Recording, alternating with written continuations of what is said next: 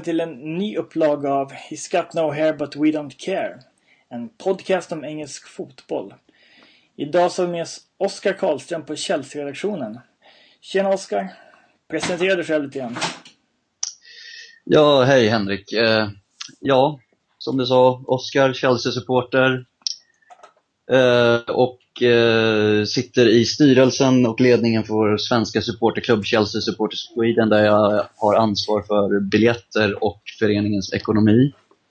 Och eh, ja, när jag inte ägnar mig åt Chelsea så pluggar jag till civilekonom på Stockholms universitet eller är ute och spelar golf. All right. Du är otroligt passionerad över ditt Chelsea och arbetar hårt med supporterklubben. Dessutom så åker du över väldigt många gånger per år. Hur, hur, hur föddes den här vilda personen? Eh, det kan jag tacka min morbror för. Han eh, har hållit på Chelsea i över 40 år och eh, var den som startade vår svenska supporterklubb för snart 20 år sedan. Och han tog med mig till Stamford Bridge när jag var nio år och fick se en match. Chelsea slog Sunderland med 4-0. Och efter det då var jag helt fast. Sen, sen dess så, ja, då har det bara varit Chelsea som har gällt. Ja, Chelsea ligger ju i London så man behöver ju liksom inte presentera hur man tar sig dit. Men eh, i vilken del av London ligger Chelsea egentligen? I västra delen av London, ligger ändå rätt centralt, är väl den av eh, klubbarna i London som är allra mest centralt belägen. Tillsammans med QPR kanske man kan säga att de är ja, ungefär lika nära Londons stadskärna. Och det är en rätt fin del av London skulle man kunna säga jämfört med många andra klubbar. Det ligger i, ja, Chelsea ligger vid fina bostadsområden och eh, har väl satt sin prägel på klubben lite genom åren. Att det har varit många kändisar och lite finare folk som har tillhört Chelsea-supportrar. Ja. Eh, hur ser en typisk matchdag ut när du sticker över och kollar på, på Chelsea? Uh, ja, det finns uh, två stycken pubbar runt Stamford Bridge som jag besöker mest. Den ena heter Fox and Pheasant. Det är där våra, eh, de svenska supportrarna som är på plats brukar samlas inför matchen. Och sen brukar jag även besöka en pub som heter The, The Imperial Arms där mina engelska Chelsea-pubbar, eller de flesta av dem i varje fall, brukar gå innan matcherna. Så det, man tar sig till de pubbarna och träffar kompisarna, tar ett par öl och snackar upp matchen och sjunger sånger. Och efter matchen sen så blir det tillbaka till samma pubbar och ja, antingen fira seger eller gräma en förlust. Beroende på hur det går i matchen. Så det, det blir ju liksom en hel dag. Det är så mycket mer än 90 minuter när man åker och följer sitt lag. Utan det är allt runt omkring och gemenskapen och det sociala. Det är lika viktigt som själva matchen. Ja, du har ju bott i London. Hur länge bodde du där egentligen? Jag bodde där i ett halvår i våras. Jag pluggade en termin som utbytesstudent på ett universitet i London. Så då hade jag ju möjligheten att följa Chelsea ännu mer intensivt än vad man kan göra här hemifrån Sverige. Så jag gick på mycket matcher och eh, ja, det var ju en väldigt bra säsong till slut också med både fa Cup-vinst och eh, Champions League-segern i München. Ja, du valde ju rätt säsong att fara över och plugga helt enkelt. Jag hade ju tur där, fast ja, de första nio matcherna jag var på efter att jag kom över i januari så vann vi endast tre av dem. Så det gick ju allt annat än bra i början, men nej, det löste sig väldigt bra till slut. Ja, ni spelar ju på Stamford Bridge som rustades upp ganska mycket under 90-talet. Antagligen från den första matchen du var där till hur det ser ut nu. Det är väl eh, ganska så stor skillnad.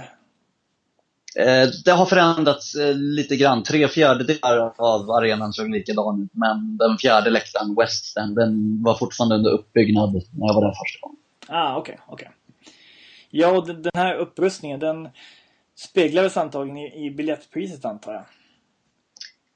Ja, det, det är ju dyrt att kolla på Chelsea. Det tillhör ju de absolut dyraste biljetterna i Premier League. Men så farligt som folk kan tro att det är, är det egentligen inte. För eh, det är skillnad om man kommer som svensk exempelvis och köper biljetter genom någon eh, resebyrå eller någon biljettagentur på internet och får betala tre, fyra, fem gånger inköpspriset för sina biljetter. Då blir det såklart dyrt.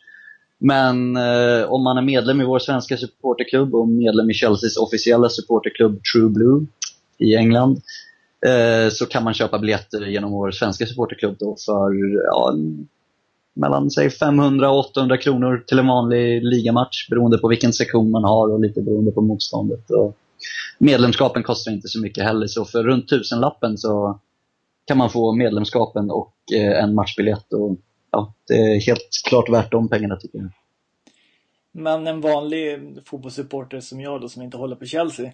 Om jag vill fara över och kolla på Chelsea, Wigan eller någonting. Hur, hur pass stor chans har man att få tag i en biljett egentligen om man inte vill betala 2-3 tusen för biljetten? Ja, vissa ligamatcher som det inte är riktigt samma tryck till exempelvis mot lag som Wigan som inte lockar lika mycket som andra klubbar kan göra. Eh, de släpps på general sale vilket innebär att Eh, man inte behöver vara medlem i klubben för att köpa biljett. Och ja, då får man köpa till inköpspris och då ligger det där ja, 500 kronor och uppåt. Så den möjligheten finns, men eh, det är inte alltid de biljetterna, ja, biljetterna finns kvar till allmänhetens försäljning och då, då är det medlemskap som gäller eller betala överpriser hos eh, ja, resebyråerna och biljettagenturerna. Ja, och du ska ju åka över nu till helgen igen, eller hur? Det stämmer, jag ska över och se matchen mot Manchester City här på söndag. Och du kommer ju till en klubb i kaos får man väl nästan säga efter det som har hänt under veckan. Ja, verkligen. Det, det, har ju varit en tung period de senaste veckorna med flera poängtapp och ja, nu är vi på väg ut ur Champions League också efter förlusten mot Juventus här i tisdags. Men ja, det känns bara som en bagatell i jämförelse med det som har hänt här med att Roberto Di Matteo fick sparken och att Rafael Benitez kom in som ny tränare. Men vad var din första tanke när du fick höra att han fick sparken? Eh, jag blev väldigt chockad. Det var ju här på morgonen, dagen efter Juventus-matchen då. Och jag trodde att klubbledningen skulle ha lite mer tålamod än så. För vi ligger fortfarande med i ligatoppen. Slår vi City på söndag är vi bara en poäng bakom dem. Vi har fortfarande chansen i Champions League, även om det inte ligger i våra e- egna händer att gå vidare från gruppspelet. Och att bara sparka en Chelsea-legendar som är älskad av fansen och populär bland spelarna bara sådär. Ja, nej, det känns fel. Det känns alldeles för förhastat, alldeles för kortsiktigt. Speciellt med tanke på att han vann ju trots allt Champions League i våras. Den pokalen som det sägs att Abramovic har längtat så mycket efter. Så nej, jag tycker det känns eh, ovärdigt avslut för Di Matteo Chelsea-karriär och ett ja, slag i ansiktet ändå mot oss supportrar, måste man se det som. Och väldigt trist att klubben kan inte kan vara mer långsiktig i sitt tänk, utan att det bara är kortsiktiga resultat som gäller. Det, ja, det är beklagligt helt enkelt. Ja, och om det var en pungspark att sparka Di Matteo så måste det ha varit en efterföljande uppercut att just välja Benitez som ersättare. Benitez som har varit ganska kritisk mot Chelsea när han, när han var i England. Ja, absolut. Det, de kunde inte ha hittat en sämre ersättare enligt mig. Det, Benitez är en bra fotbollstränare och kommer säkert göra ett rätt bra jobb i Chelsea, även om jag är tveksam till att han är den tränaren som kan ge Roman Abramovic den offensiva vägvinnande fotboll som han tydligen eftersöker. Men det har ju framförallt att göra med att Benitez eh, var Liverpool-tränare och som du säger var kritisk både mot Chelsea, individuella Chelsea-spelare och klubbens supportrar under hans tid i Liverpool. Och ja, det är ju inget som vi Chelsea-supportrar glömt bort utan vi gillar inte Benitez alls och att ja, få se honom som Chelsea-tränare, det, ja, nej, det känns ärligt talat inte bra alls. Det, man mår dåligt och eh, det känns återigen som att klubbledningen bara pissar på oss supportrar. Att de ja, skiter fullständigt i vad supportrarna tycker utan de bara kör sitt eget race. Och, och jag ser ärligt talat inte heller hur vi skulle kunna ha bättre förutsättningar att göra en bra säsong med Benitez än med Di Matteo. Så jag kan inte alls förstå det här. Det är ju jag var Kalle Karlsson på Aftonbladet som hintar någonting om att ja, att han skulle ha tappat omklädningsrummet eller att det är något sånt där tjafs. Har du hört någonting om det från, från dina kompisar i England? Eh, nej, jag har egentligen inte hört någonting som tydde på att Di Matteo skulle få foten nu, förutom ja, resultatet av den den senaste tiden. det, det känns som att han var en väldigt populär spelare och det var ju rätt uppenbart när André Villas-Boas fick sparken förra året att det delvis berodde på att han tappade förtroendet från de så kallade senior players, Lampard, Terry, Drogba, Check, Ashley Cole och eventuellt ett par till. Men den uppfattningen har jag inte alls fått kring Di Matteo och det är även ett orosmoment för Benitez eftersom han, bland annat Lampard, har kritiserade han när han var Liverpool-tränare. Och hur mycket kommer de spelarna att respektera Benitez? Kommer han kunna få dem till, på sin sida eller inte? Det får vi se. Ja, det känns ju som att det kan bli lite olika läger där. För vi har dels Torres som kanske kommer att växa lite med, med Benitez. Och så har, vi, har ni några andra spanjorer också som kanske ändå köper Benitez närvaro mer än vad engelsmännen gör. Ja, så är det nog definitivt. Ehm, ja, det ska ju faktiskt bli intressant att se vad som händer med Torres nu. Om Benitez kan få igång honom eller om han kommer vara lika hopplös som man trots allt har varit den senaste tiden. Och ja, nej, jag tror att om det fanns splittringar i gruppen redan nu så tror jag inte att de blir tätas ihop och att det blir bättre av eh, de här besluten. Det tror jag verkligen inte. För just Torres fick väl kommentera det här och han sa ju att eh, Benitez är en sån tränare som får dig att köra 120 procent. Och när du sen är helt slut så får han dig att köra ännu mer liksom. Så det känns ju som att i alla fall Torres välkomnar honom till klubben. Ja, nej men det tror jag definitivt. Det var ju bara... De kom väl bra överens i Liverpool. Torres var ju fantastisk spelare när han spelade i Liverpool under Benites led, ledning. Så han ja, kommer säkert, är säkert väldigt nöjd över det här. Eh, men Juan Mata, som också är spanjor och verkar vara bra polare till Torres, han är ju den enda Chelsea-spelaren som hittills har uttalat sig om Di Matteo. Och, eh, han skrev på sin officiella Facebook-sida att han var väldigt besviken och att han tackade Di Matteo och tyckte att han hade varit en väldigt bra tränare. Så ja, får se om det bara är Torres som ställer sig på Benites sida eller om han får med sig någon annan hur som helst så känns det som att det är en paniklösning och att det kommer vara någon annan vid rodret nästa sommar. Ja, absolut. Det är ju en korttidslösning. Han har ju bara fått kontrakt i sommar, även om han tydligen då har möjlighet att eh, få det förlängt om han skulle göra bra ifrån sig. Och jag tycker att det är en bra lösning ändå, att om, om man nu ska sparka tränaren, att ta in en korttidslösning på ett korttidskontrakt för att sedan kunna få en, den tränaren man egentligen vill ha sommar. Men sen nu att det ja, råkade vara Di Matteo och Benitez, ja det, ja, det ser jag ju inte alls som positivt. Men om man nu ska utgå från läget som det är så, så är det väl ändå en bra lösning istället för att knyta upp Benitez på exempelvis ett tre och ett halvt års eller fyra och ett halvt års kontrakt. Ja. Alltså man får väl ge Benitez det i alla fall att han han har ju lite pungkulor som vågar ta över Chelsea eh, efter allt han har sagt och, och han vet ju med vilken ryggsäck han går in i klubben och att fansen inte tycker om honom så att det är ändå ganska, ganska modigt. Ja, det, fast jag börjar nästan undra om han inser allvaret i det här eller vad man ska säga. För jag såg hans första presskonferens här tidigare ikväll.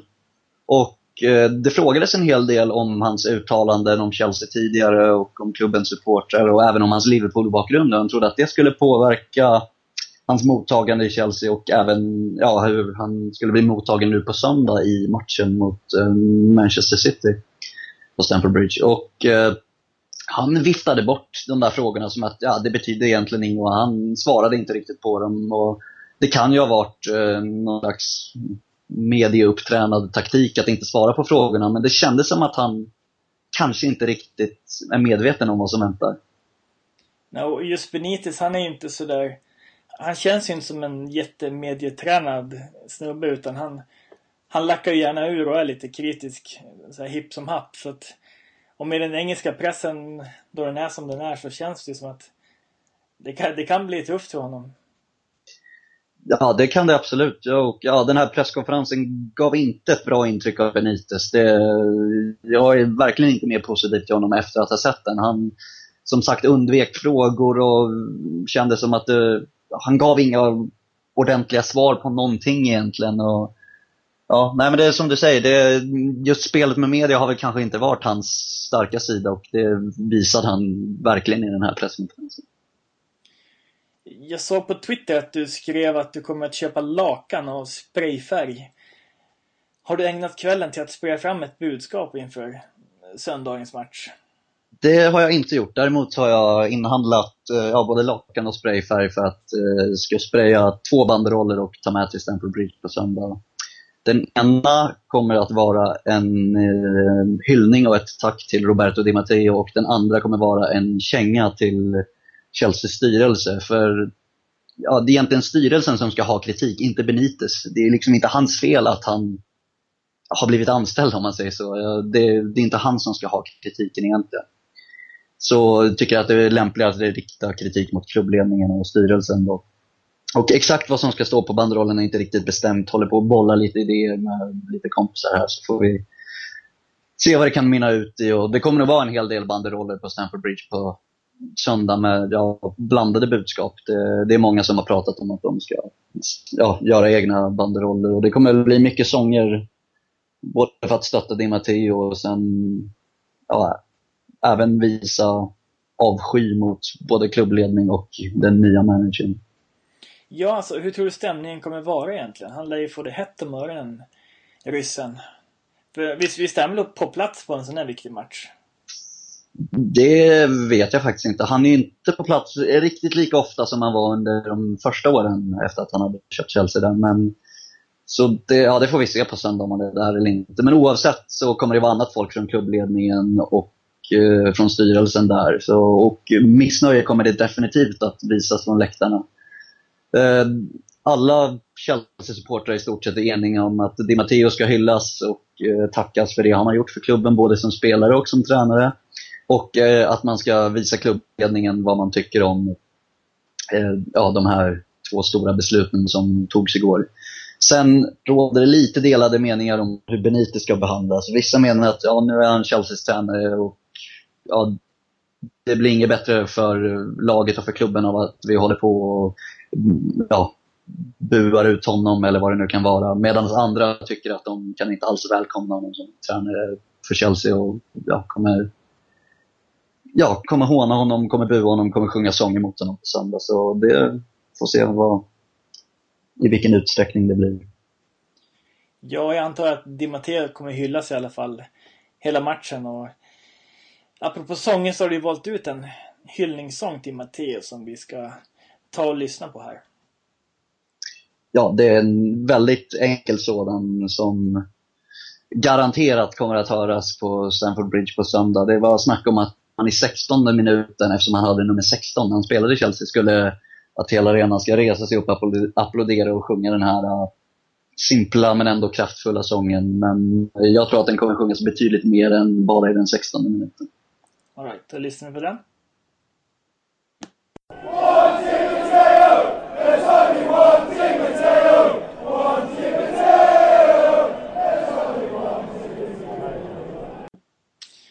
Ja, eh, även om ni hatar Romans drag så måste ni ju liksom bita ihop nu och stödja Benitez resten av säsongen för att ni vill ju ändå att det ska gå bra för Chelsea och ja, vad förväntar du dig av spanjorens ledarskap framöver?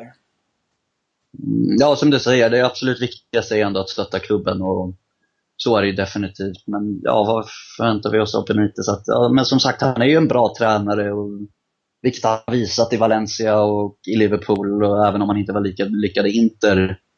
Men det viktigaste känns det nu under resten av säsongen är att komma bland de fyra främsta i ligan och säkra Champions League-spel till nästa säsong. Och sen, ja, sen börja om på ny kula då, för den här säsongen, det, det kommer ändå bara vara en transportsträcka egentligen till sommaren då den riktiga tränaren kommer in, vem nu det blir. Eh, och ja, annars, vinner vi någon titel så blir man väl såklart jätteglad för det, men då kan jag garantera att de som kommer hyllas och de som kommer tillskriva segern då, det är spelartruppen och inte Benitez. Nej. Men om vi tittar lite närmare då, vad, vad tror du om helgens möte som du ska själv eh, bevittna? Ja, själva matchen alltså, som sådan har ju hamnat lite i skymundan nu eftersom det är så mycket fokus på allt annat som rör Chelsea. Så har egentligen inte kunnat hunnit fundera så mycket på den, men eh, det är klart att den här matchen, det är väl lite av en vattendelare på något sätt. Skulle vi slå City nu och så sätter väl det lite tonen för Benites tid. Här, att, ja, vi kanske är att räkna med trots allt i ligan. Men åker vi på en förlust, ja då är det helt plötsligt sju poäng bakom City och då, ja, då, då blir det tungt. Så, och jag ser City som favoriter nu på söndag för att dels kollar man på de båda lagens formkurvor så har City gått betydligt bättre på senare tid än vad Chelsea har gjort. Och ja, dessutom all turbulens i klubben så, så alltså, det är ett skadeskjutet Chelsea som kommer till matchen på söndag. All right. Ja, men får tacka för det här samtalet. Men innan vi lägger på här så det, ska du få säga vilken, vilken, hur många bucklor vinner Chelsea innan säsongen är över? Tror du att det blir någon, någon titel? Jag tror att vi kommer vinna klubblags-EM. Och sen eh, Ja, en, ja, vi är ju trots allt i kvartsfinal i ligacupen så vi säger en till, men jag vill inte specificera vilken. Det kan bli ligacupen eller FA-cupen som vi nästan har prenumer prenumererat på den, de senaste 7-8 åren. Så ja, klubblags-VM och en titel till. Och sen under sommaren 2013, vilken rubrik vill du helst se då för den tränare som kommer efter Benitez? Ja, det är svårt att säga. Det är, alltså, José Mourinho, fast man vet inte. Dels tror jag inte han kommer komma tillbaka till Chelsea. Sen vet jag inte om det trots allt vore den bästa lösningen. Alltså, om jag hade fått välja så hade Di Matteo fortfarande varit tränare i Chelsea och han hade fått chansen på lång sikt. Men det kommer ju inte att ske så... Ja, nej, jag kan faktiskt inte peka ut någon som jag vill ha. All right. Men tack för samtalet så, så hörs vi Oskar. Och ha det så kul tack i England till helgen. Ja, tack det ska jag ha. Vi hörs.